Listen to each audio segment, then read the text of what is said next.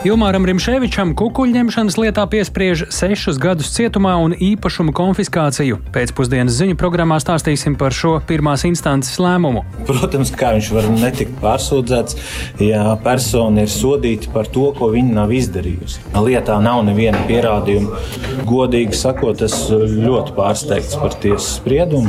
Latvija vienojas par Haimars raķešu artērijas sistēmu un munīcijas iegādi. Cik nopietni tas stiprinās mūsu aizsardzības spējas, to vaicāsim aizsardzības aizsardzības ministram, un pēc desmit gadu strīdiem Eiropas Savienība panāk politisku vienošanos par migrācijas reformu. Par to visu plašāk raidījumā pēcpusdienā kopā ar mani Tāli Eipuru.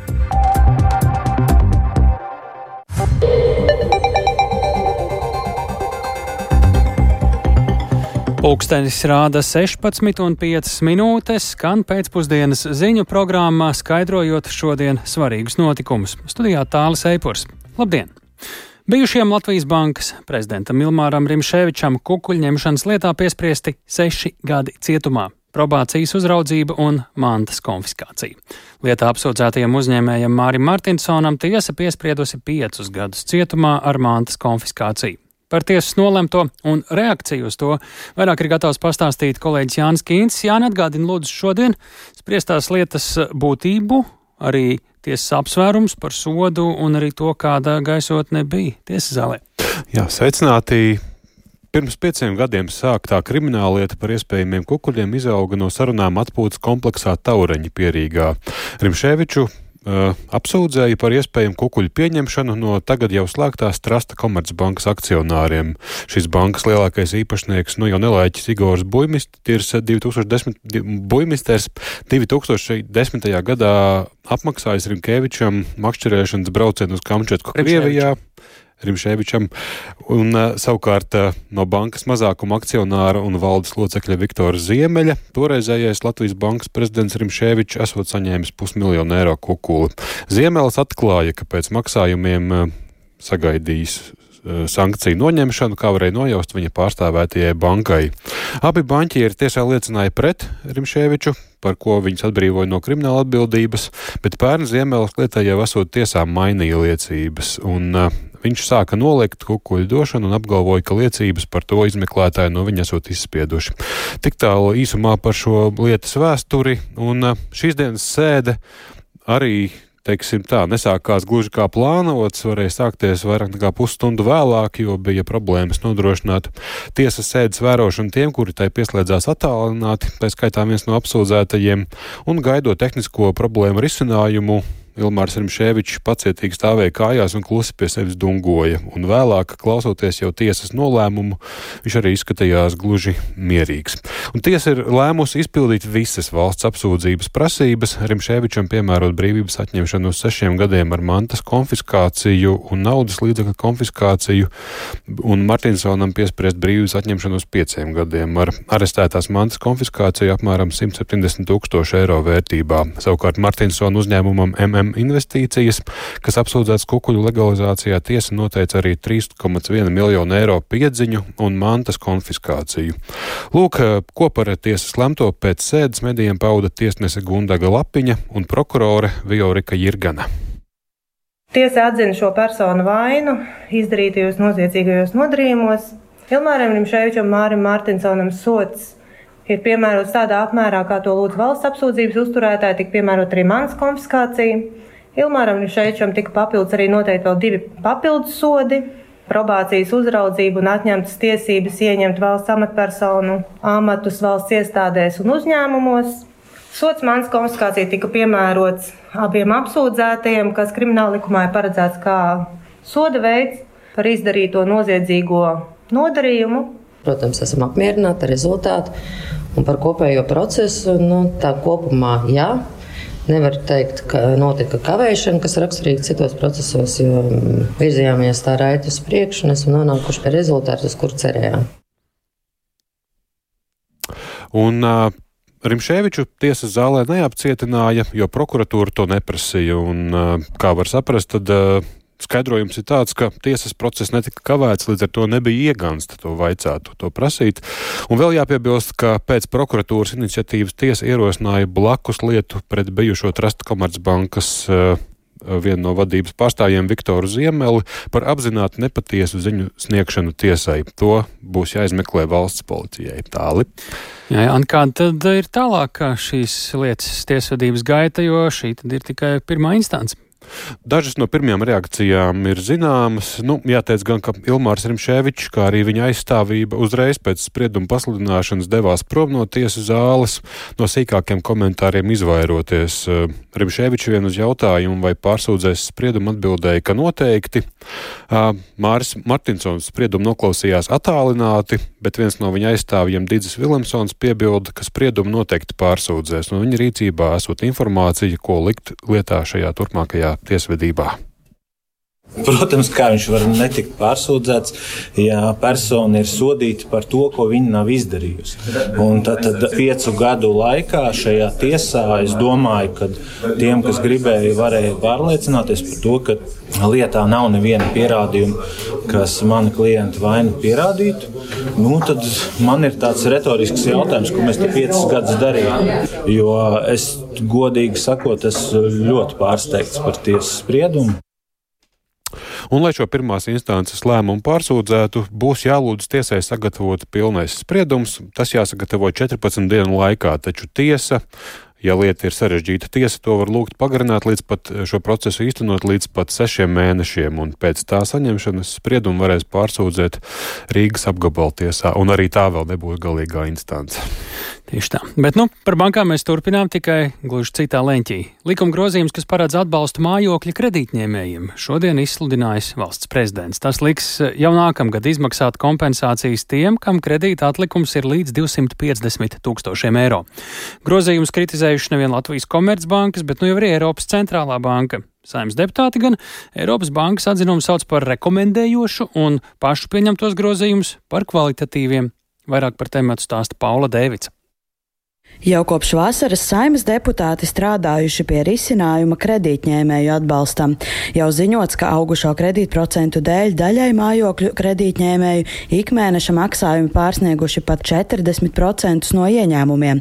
Tā kā ilgstošās sarunās ar bankām deputātiem pretim nākšanu nav izdevies panākt, decembra sākumā saimā pieņēma grozījumus patērētāju tiesību aizsardzības likumā, paredzot atbalstu hipotekāro kredītu ņēmējiem 30% apmērā no procentu maksājumiem. Šodien grozījumus izsludināja valsts prezidents Edgars Rinkēvičs un tie stājušies spēkā. Tos izvērtēja arī Eiropas centrālajā bankā un izcēla vairākas problēmas. Grozījumi varētu mazināt banku rentabilitāti, kas kopumā kropļotu konkurenci. Tāpat arī bankā uzsver, ka bijis nepieciešams grozījumus papildināt ar rūpīgu analīzi. Arī Latvijas bankā piekrīt šim atzinumam, un Finanšu stabilitātes un makro uzraudzības politikas pārvaldes vadītājs Elmārs Zakulis pauž, ka atzinumā nesot minēts nekas pārsteidzošs. Eiropas centrālā banka ir konsekventa attiecībā uz līdzīgu līdzīgām iniciatīvām citās valstīs, viņi patiesībā nemaz nevar tā ļoti novirzīties no tām savām iepriekšējām pozīcijām, un tā nostāja lielā mērā ir eh, saistīta ar to, ka lielākoties konceptuāli ECB neatbalsta šādas iniciatīvas, tāpēc, ka tās rada riskus tās funkciju īstenošanai, monetārās politikas īstenošanai, finanšu stabilitātes saglabāšanai, bet, protams, šie viedokļi atšķirās atkarībā no katras uh, valsts uh, specifikas. Banka kritizējusi arī līdzīgas iniciatīvas kaimiņu valstīs. Šodien Eiropas centrālās bankas atzinumu izvērtēt tikās arī Saimas budžeta komisijas deputāti. Parlamentārieši uzskata, ka atzinums ir vairāk rekomendējošs un noliec, ka atbalsta plānošanā būtu iztrūcis kāds izpētes posms. Viens no bankas pārmetumiem likumdevējiem bija, ka grozījumi pieņemti pirms konsultēšanās ar ECB, kas bijis Saimas pienākums. Turpina komisijas priekšsēdētāja biedrs Andris Šuvājevs kolēģis no progresīvie. Līkuma projekts gāja vispārējā kārtībā, trīs lasījumos, notika plašas diskusijas un konsultācijas ar, ar iesaistītajām pusēm Latvijā. Un, kā arī tika minēts sākumā, paralēli, protams, notika sarunas ar bankām, lai panāktu vienošanos. Un tajā brīdī, kad bija skaidrs, ka šāda vienošanās nebūs, Eiropas centrālā banka tika informēta par pieņemto likuma projektu. Un te vienmēr ir jautājums par laiku, jo šāda veida likums nestātos spēkā nākamajā gadā, tad, nu, tad ir skaidrs, ka attiecīgi arī iedzīvotājiem šīs kompensācijas netika izmaksātas. Grozījumi paredz bankām maksāt nodevu, kuru administrēs valsts ieņēmumu dienests, kas arī tālāk izmaksās kompensācijas iedzīvotājiem. Eiropas centrālās bankas iebildumiem piekrīt arī Finanšu nozares asociācijā. Vienlaikus bankas vēl nav izlēmušas, vai grozījumus pārsūdzēs. Ekonomists Gundars Bērziņš piekrīt Latvijas bankai un uzsver, ka šim atbalstam bija jābūt mērķētam. Lai arī Eiropas centrālās bankas atzinums nav saistošs Latvijai, Bērziņš uzskata, ka šim lēmumam var būt negatīvas sekas. Viens no iemesliem, kāpēc Latvijā ir augstāka kredītprocentu maksājumi, ir tas, ka pēc 2009. gada finanšu krīzes Latvijai jau iepriekš ir salīdzinoši augstāks riska pakāpe nekā citās valstīs šajā riska modelī. Līdz ar to mēs visu laiku šoreiz maksājam šo augstāko procentu. Vai pēc šāda lēmuma mūsu sarunas ar Eiropas Savienību banku par teiksim, šī riska modeļa maiņa būs sekmīgas? Šis labs jautājums. Man nav atbildes šajā jautājumā. Tātad ekonomists uzskata, ka ECB atzinuma sagaidīšana pirms grozījumu pieņemšanas bija būtiska tālākās sarunās. Neskatoties uz to, likums ir stājies spēkā un atbalstu kredītņēmēji saņems jau nākamajā gadā. Paula Dēvica, Latvijas radio. Lielas summas arī nākamajā stāstā, šoreiz runājot par valsts drošību. Latvija parakstījusi 164 miljonus eiro vērtu līgumu ar ASV par artilērijas sistēmas Haimārs iegādi. Kopā ar munīciju līguma kopsumma tātad ir ap 164 miljoniem eiro, bet eh, bruņoto spēku bruņojumā būs arī tālas darbības un augsts precizitātes atakumas raķetes. Aizsardzības ministrs Andris Sprūts to jau nosaucis par būtisku soli Latvijas un ASV strateģiskās partnerības stiprināšanā un NATO aizsardzības spēju attīstībā. Sazinājāmies ar ministru jautājot, par kādu apjomu gan šo raķešu palaišanas iekārtu, gan munīcijas apjomu ir runa šajā Haimars sistēma iepirkumā.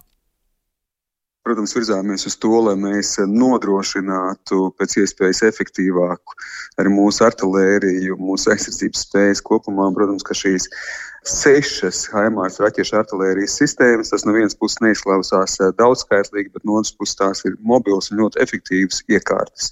To norāda arī šī summa, kas ir ap 180 miljoniem ASV dolāru.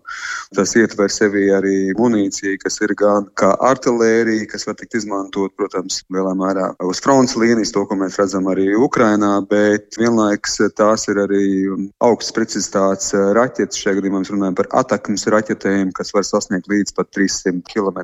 Līdz ar to aizsardzība kļūst arī proaktīva.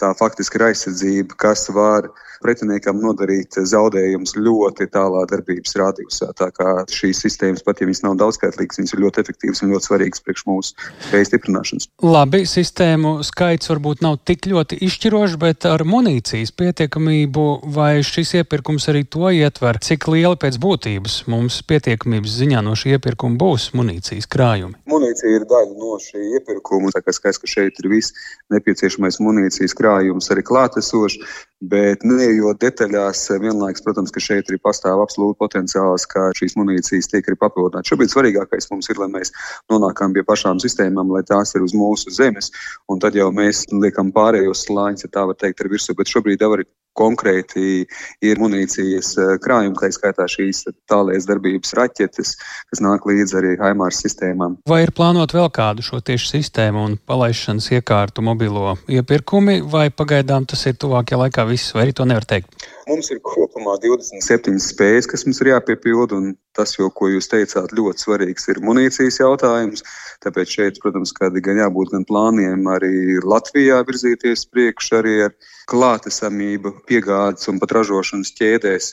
Protams, kad ir visas pārējās spējas, ir ļoti, ļoti svarīgas. Ja mēs, piemēram, runājam, tikko mēs esam parakstījuši līgumu par pretgaisa aizsardzību, par līgumus par vidējās darbības pretgaisa aizsardzību ar ARST, kura summa arī ir ap 600 miljoniem. Tā ir nozīmīgs eh, līgums, bet vienlaikus paralēli ir jāveido dažādus citus slāņus eh, pretgaisa aizsardzībā, arī tuvējās darbības pretgaisa aizsardzības sistēmu ieviešanā, lai tas viss darbotos efektīvi. Tā kā skaidrs, ka tas prasīs arī vairākus gadus visās šajās spēju jomās, visu šo spēju stiprināšanā, lai, teiksim, pilnvērtīgi mēs arī virzītos priekš, bet, nu, es arī teiktu, ka šobrīd jau ļoti daudz kas ir izdarīts.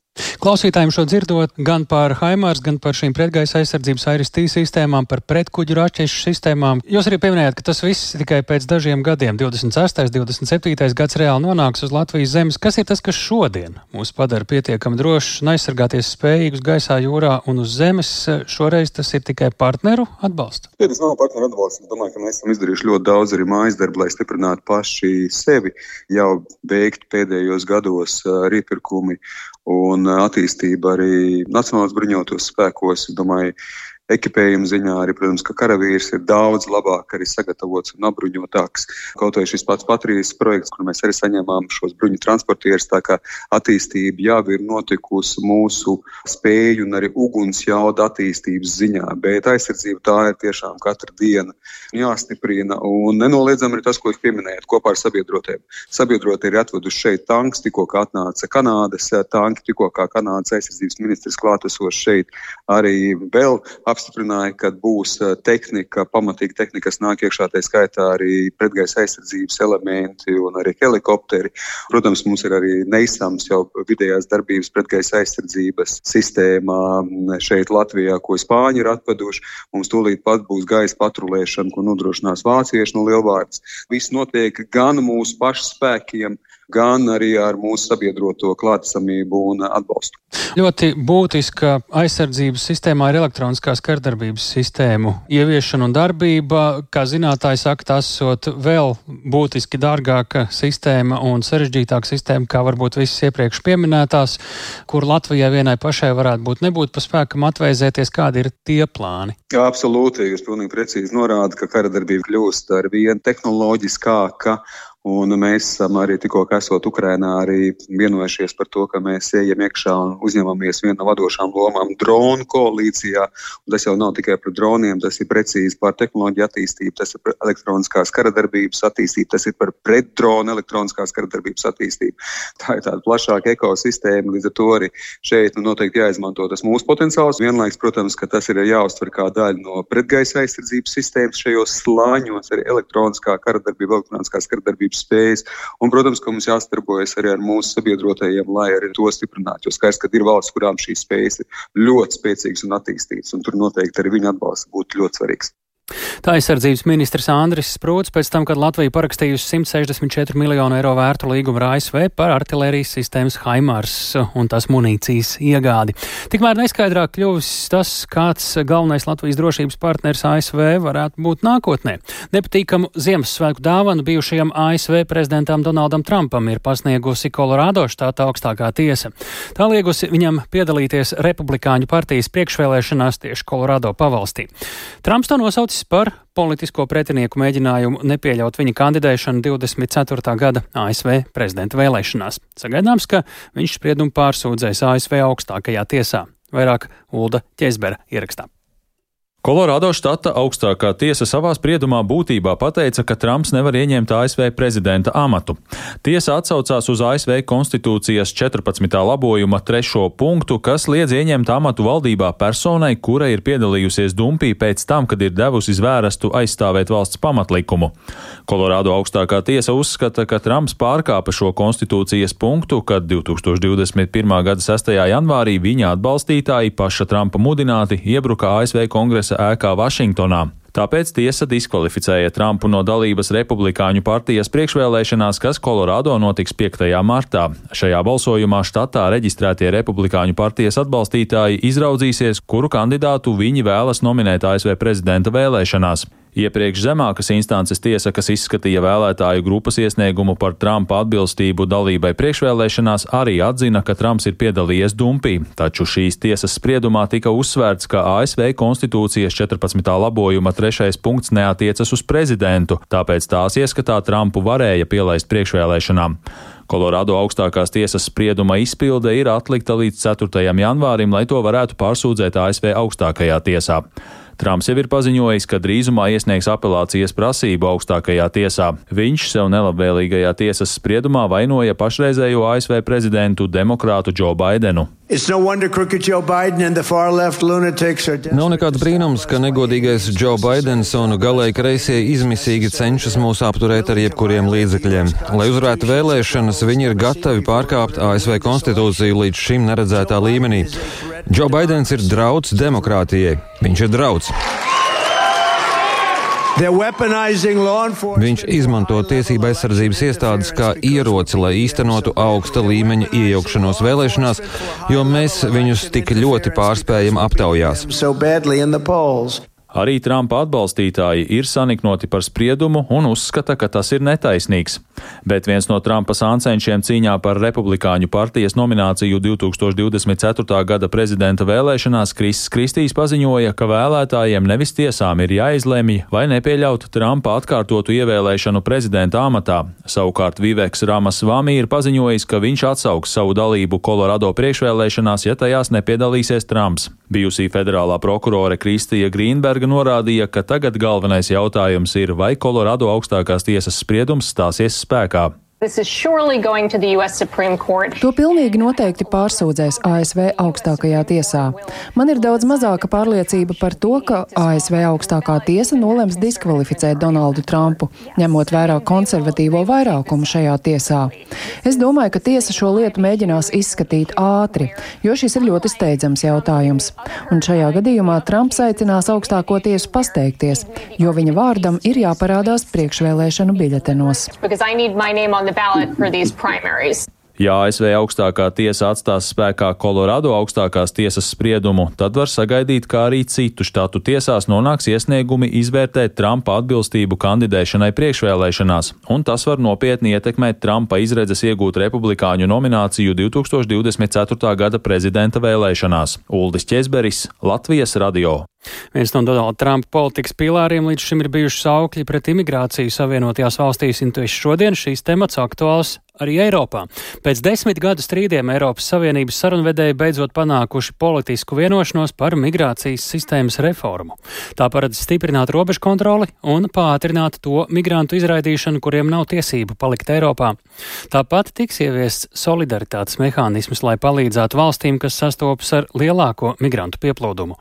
Tomēr Dažādas nevalstiskās organizācijas asi kritizē jauno vienošanos, sakot, ka tā pārkāpj starptautiskās normas.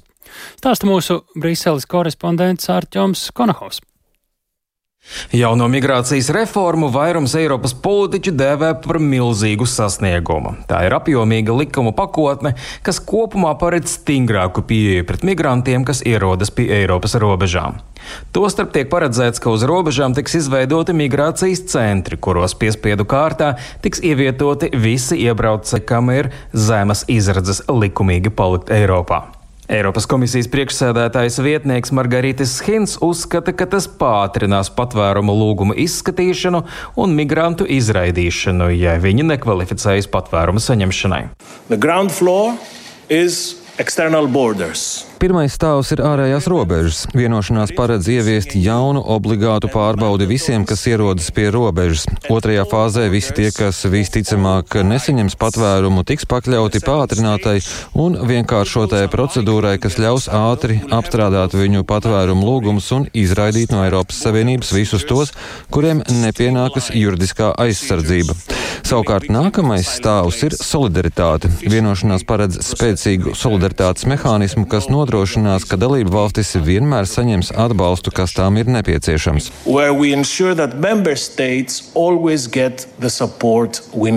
Savukārt solidaritātes sistēma neparedz obligātu migrantu uzņemšanu valstīs, kas atrodas tālāk no Eiropas dienvidiem. Valdības varēs palīdzēt tam valstīm, kas sastopas ar lielu migrantu pieplūdumu, arī ar naudu un materiālu. Pret to asi iebilst Ungārija. Eiropas parlamenta priekšsēdētāja Roberta Metsola sacīja, ka viņai, kā politiķie no Maltas, šī vienošanās ir īpaši nozīmīga. You know, and... Kā jūs zināt, es nāku no vidusjūras salas, un tādēļ es labi zinu, ko nozīmē, ka mēs sakām, ka mēs beidzot esam spējuši vienoties par migrācijas un patvēruma paktu. Iespējams, ka tā ir svarīgākā vienošanās šī sasaukuma laikā. Mūsu iedzīvotājiem tā bija svarīgākā problēma 2000. 2019. gadā, un daudziem tā joprojām ir svarīgākā problēma. Lai panāktu šo vienošanos, bija nepieciešami vairāk nekā desmit gadi. Gan Metsola, gan Schins nāk no Eiropas Tautas partijas, kas dotu priekšroku stingrākai migrācijas kontrolei. Turpretī kreisie un zaļie Eiropas parlamentā asi kritizē šo vienošanos. Viņi norāda, ka jaunā pieeja pret iebraucējiem būs arvien necilvēcīgāka un ka šādi tiek pārkāptas tiesības uz individuālu katra gadījuma izskatīšanu. Šie politiķi uzskata, ka jaunie noteikumi neatturēs kontrabandistus no cilvēku sūtīšanas bīstamā ceļā pāri vidusjūrai. Pretējās domās ir pašreiz prezidējošās valsts Spānijas premjers Pedro Sančes, kurš ir sociālists. Hemos comprendido algo muy importante y es que en este tiempo de gigantes Mēs esam sapratuši kaut ko ļoti svarīgu, proti, ka šoreiz, lai gūtu panākumus, mums ir jābūt vienotākiem. Mūsu rīcībai jābūt integrētai iekšēji un saskaņotai ārēji. Šīs dienas vienošanās ir fundamentāli svarīga Spānijai mūsu geogrāfiskā novietojuma dēļ. Šis pakts ļaus mums pārvaldīt mūsu robežas un tikt galā ar migrācijas plūsmām humānāk un koordinētāk.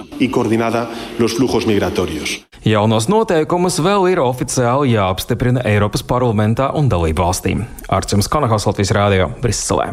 Liela Eiropas Savienības loma arī mūsu nākamajā stāstā Rūjiena kļuvusi par Baltijas jūras reģionu kultūras pērli 2024.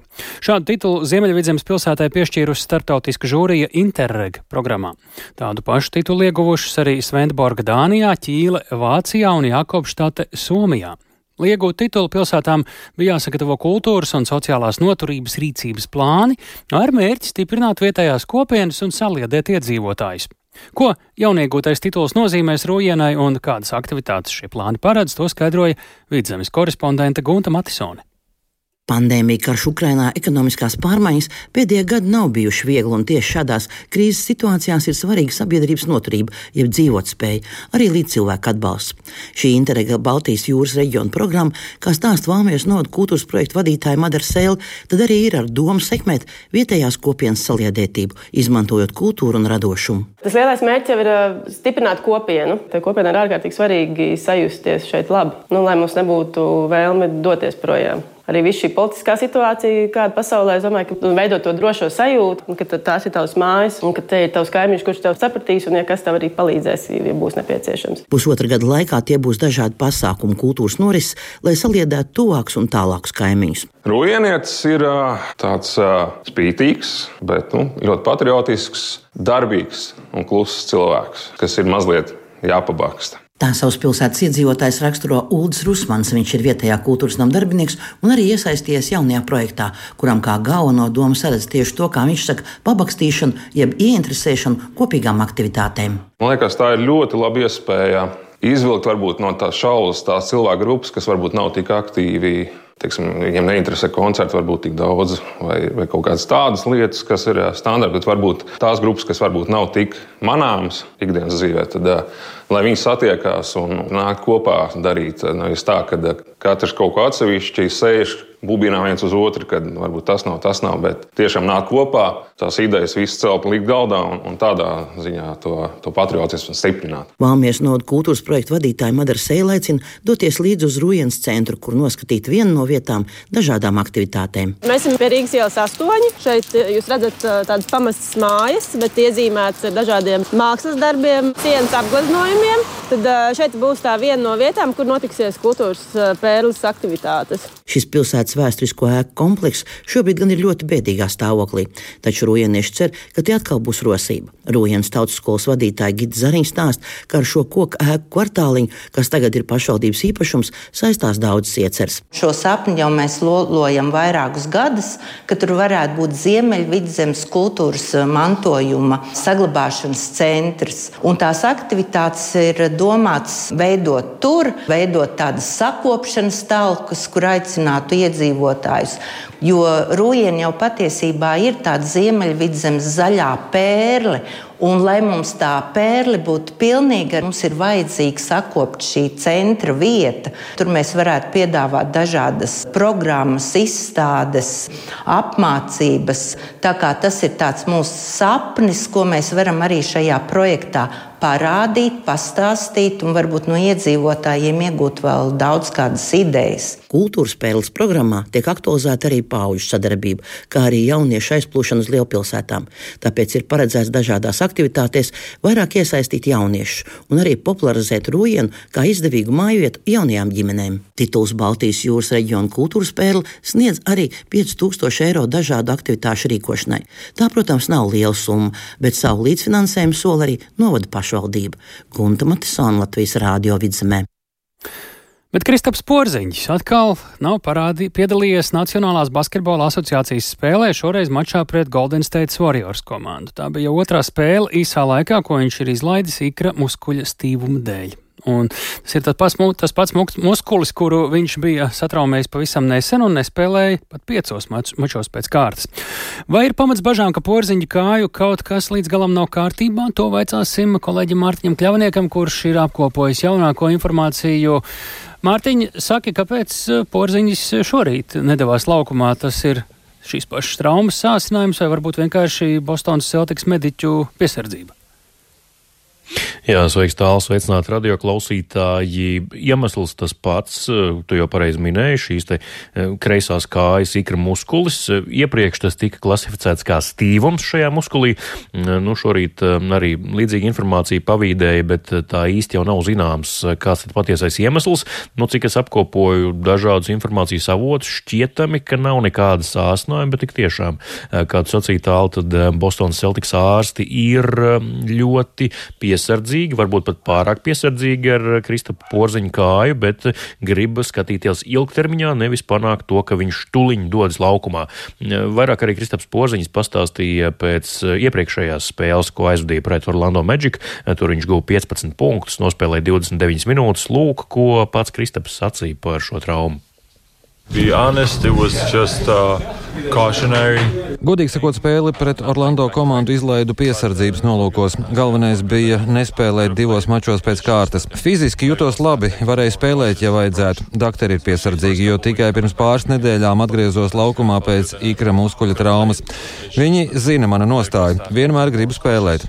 Ārsti rīkojas apdomīgi, jo vēlas, lai būtu vesels ilgtermiņā, nevis dotos laukumā katrā mačā. Sure here, you know, big, long picture. Jā, tālāk pats Kristaps Porziņš jāpiebilst, ka viņš nespēlēja no 24. novembra līdz 9. decembrim, tad atgriezās pret New York Snigs, nospēlēja četrus mačus, pa vidu vienu ir izlaida pret Orlando Magic vienu, savukārt pēc tam uzreiz pret šo pašu komandu nospēlēja, tagad atkal šorīt izlaida spēli, tātad piedalījies mm, četrās no sešām cīņām šajā te pēc posmā, kad ir atgriezies laukumā, un iemesls, kāpēc viņš nav spēlējis šīs divas spēles, arī tas pats, jā, piesardzības pasākumi, tā izskan publiski tāli. Jā, Mārtiņa, vai ir pamats bažām, ka šī trauma var tomēr izvērsties tādā lielākā iekaisumā vai lielākā problēmā? Nu, mēs atceramies arī pirms pasaules kausa vasarā. It kā nu, neliels iekaisums vai kas, un beigās jāizlaiž eh, no sporta mēnesis un arī pats pasaules kauss. Kā tas izskatās? Jā, nu, pirms pasaules kausa bija um, papēža iekaisums, tur ar pēdu bija saistīta šī trauma, kas arī ir tāda ļoti, mm, teiksim, tā ļoti jūtīga, un tur visam ir jābūt kārtībā pilnībā. Nevar būt um, par 99% piemēram līdzīgi, kā es saprotu no profesionāļa teiktā, cik arī apzināju fizioterapeits, sporta ārstus ir ar um, kājas ikra muskuļu traumām. Pat ja tā nav bijusi pārāk nopietna trauma, mm, sastiepums, piemēram, tik un tā ir jābūt ārkārtīgi uzmanīgiem, pat kā šajā gadījumā ar Krista Porziņu, pārāk uzmanīgiem varbūt, jo viss kaut kas var attīstīties un pa dažādiem ceļiem var aiziet tā trauma, un tikko kā ir pārāk liela slodze, mm, tā, jā, nu diena tur var izvērsties um, kaut kas dramatiskāks un kaut kas nopietnāks, un atgādinu šajās četrās spēlēs slodze Kristapam Porziņam ir bijusi varena um, divās spēlēs pa 29 minūtēm un vēl divās ilgāk nekā pusstundu viņš ir bijis laukumā, un tas, nu, diena ir nopietni, tieši tāpēc visticamāk arī viņš šorīt šorīt palika ārpus sastāvu tāli. Nu jā, tāda ikra muskuļu stiepuma ir no tām ilgajām traumām, bet kas līdz ar to ir zināms par to, kad porziņš varētu atgriezties laukumā? Jā, nu, protams, ka cerams, eh, visticamāk tā būs jau eh, nākamā Bostonas eh, Celtics spēle, bet nu, pagaidām nevar zināt. Bija arī pirms vienas no iepriekšējām cīņām publiski parādījās informācija īsi pirms spēles, ka porziņas varētu nespēlēt, beig beigās tomēr spēlēja. Tā bija šī spēle pret mm, to pašu, jā, tātad Orlando Magic. Nākamā spēle jau rīt no rīta pret Sacramento Kings. Nu, ja nespēlēja šo, iespējams, ka spēlēs jau nākamo, bet skatīsimies, sekosim līdzi informācijai informācijai. Paldies Mārtiņam Kļaviniekam, tik tālu par Kristapa Porziņa spēlēšanu un veselību, bet.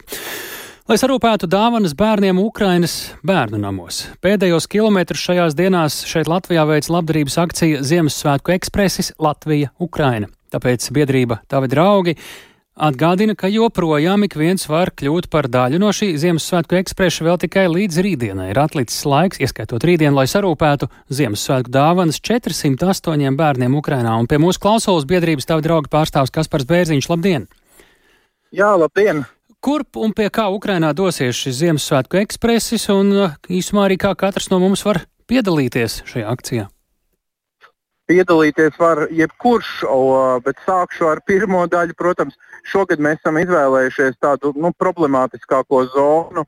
Černīgavas apgabalā tas ir bērni, kas dzīvo pierobežā 15 km attālumā no agresora valsts robežas, jo, un kas ir pakļauti burtiski katru dienu artērijas uzlidojumiem. Līdz ar to arī šī palīdzība no brīvprātīgajiem, kā arī pārējie veidu sūtījumi ir diezgan ierobežoti, nu, jo loģiski cilvēki tomēr baidās doties uz, uz zonām, kurās pat vairāk jau nekāda brīdinājuma sirēnas neslēdzās iekšā, jo uz artēriju tas diemžēl nedarbojas. Un, bērni ir spiesti lielāko savu daļu laika pavadīt tomēr kaut kādās bumbu patversmēs, mājās, pagrabos un tā tālāk. Tādēļ šādi bērni mums sanāca ap 408 gabali, no kuriem gandrīz pusi mēs esam, var oficiāli pateikt, esam ar dāvanām jau sarūpējuši visiem dāvanas kaut kādi, ja es, es tagad nepaskatījos pēdējā minūtē, bet man ir kaut kādi 180 bērni, vēl ļoti, ļoti gaida dāvanas no mums. Dāvanas, es uzreiz gribu teikt, nav nekādas super, kādas kā mēs iedomājamies, sarežģītas, nezinu, tur milzīgi datori, planšetes, telefoni. Bērni pirmām kārtām grib mieru, lai beidzot beidzās šis viss murgs. Nu, un tad, ja ir iespējams, tad viņiem tās dāvana prasības ir ļoti zemas, jo viņi īstenībā vēlas vienkārši tikai kādus kabatas lukturīšus, vēlas powerbanks. Tādas ļoti nepieciešamas ikdienas lietas, lai spētu šīs dienas nu, kaut, kā, kaut cik necik uh, pilnvērtīgi pavadīt uh, ar, ar elektrību un ar gaismu. Mm -hmm. Černīhivas apgabals, tas tāpēc, ka tuvu robežai, uh, to arī izstāstījāt. Kā tad katrs no mums var iesaistīties šajā akcijā? Es saprotu, to var gan klātienē, gan arī attālināti. Jā, mēs esam līdz šim, mums tas Ziemassvētku apspriests ir piestājis, un liels paldies jau cilvēkiem no gan, gan Madonā, gan Dobelē, jo šīs dāvanas tiek rūpētas, nes, nestiet vēl papildus arī siltais apģērbs. Bet uh, sekot līdzi, protams, visvienkāršāk ir mūsu mājaslapā www.tavidraugs.lv, kur ir tieši šī izveidota speciālā sadaļa uh, Ziemassvētku ekspreses kurā ir publicētas visas vēstules, tad cilvēki var ieiet iekšā, katru brīdi paskatīties, cik nu tās vēstules ir palikušas, ja apskatīties, izvēlēties sev kādu tīkamāko bērnu vai nu, kurš nu, kā ar, kādu, ar kaut kādu izvēles veidu izdomā sev atrast uh, cilvēciņu mazo, kuram viņš vēlētos kļūt par ūķi vai Ziemassvētku vecīti un uh, aizpildīt anketiņu un, un pieteikties šo dāvanu nogādāt pie mums Ventspils ielā. Tur nevis nauda tad būtu šajā gadījumā ziedojama, bet tiešām pati manta aizvedama. Tiešām pati dāvaniņa, jā, jo šur, tur ir apraksts, ko katrs bērniņš ir izvēlējies, ko viņš vēlas. Es saku, tur lielākoties ir kāpēc lukturīši, powerbanks, kāda mīkstā rotaļlieta, kāds kādu saldumiņu paprast, kāds kaut kāds tāds. Jo mēs, mūsu tā pamatdoma ir tāda, ka viņi šīs vēstules ir rakstījuši svētajam Nikolasam un lūguši, ko tad nu katrs grib. Un tad nu, mēs cenšamies pēc iespējas tās, tās viņu tos sapnīšus arī realizēt un no Latvijas puses piepildīt. Jo pats uh, Ziemassvētku ekspresis janvāra sākumā dosies uz Ukrajinu un līdz pašām nav durvīm arī visiem šiem bērniem šīs dāvanas arī aizvedīs. Nu, mēs ļoti ceram, ka izdosies atrast uh, vēl šīs atlikušās dāvanas. To joprojām vēl ir pietiekami daudz šo uh, nepiepildīto vēlmju vēstuļu. Un uh, joprojām, protams, ir svarīga uh, palīdzība, varbūt pat svarīgāk nekā iepriekš. Uh, visa tā, kas līdz šim ir Ukrainas karā vajadzīga, un tavi draugi turpina ar to strādāt, kas šobrīd ir pats aktuālākais, uh, kā cilvēki var iesaistīties šīs palīdzības sniegšanā, vai no, vienkārši pielikt kādu darbību nok... roku divos vārdos. Mums noklājās, jā, daudzas šobrīd tāds aktīvs. Šobrīd kopā sadarbībā ar Tvitenu konvoju tāpat pildam divus autobusus, kas dosies arī uz Ukrajinu projām, pildam ar, ar, arī ar bērnu lietām, rotaļlietām. Bet visi zinām, ka šis laiks, kas šobrīd notiek Latvijā, nu, nenotiek visur arī Ukrajinā.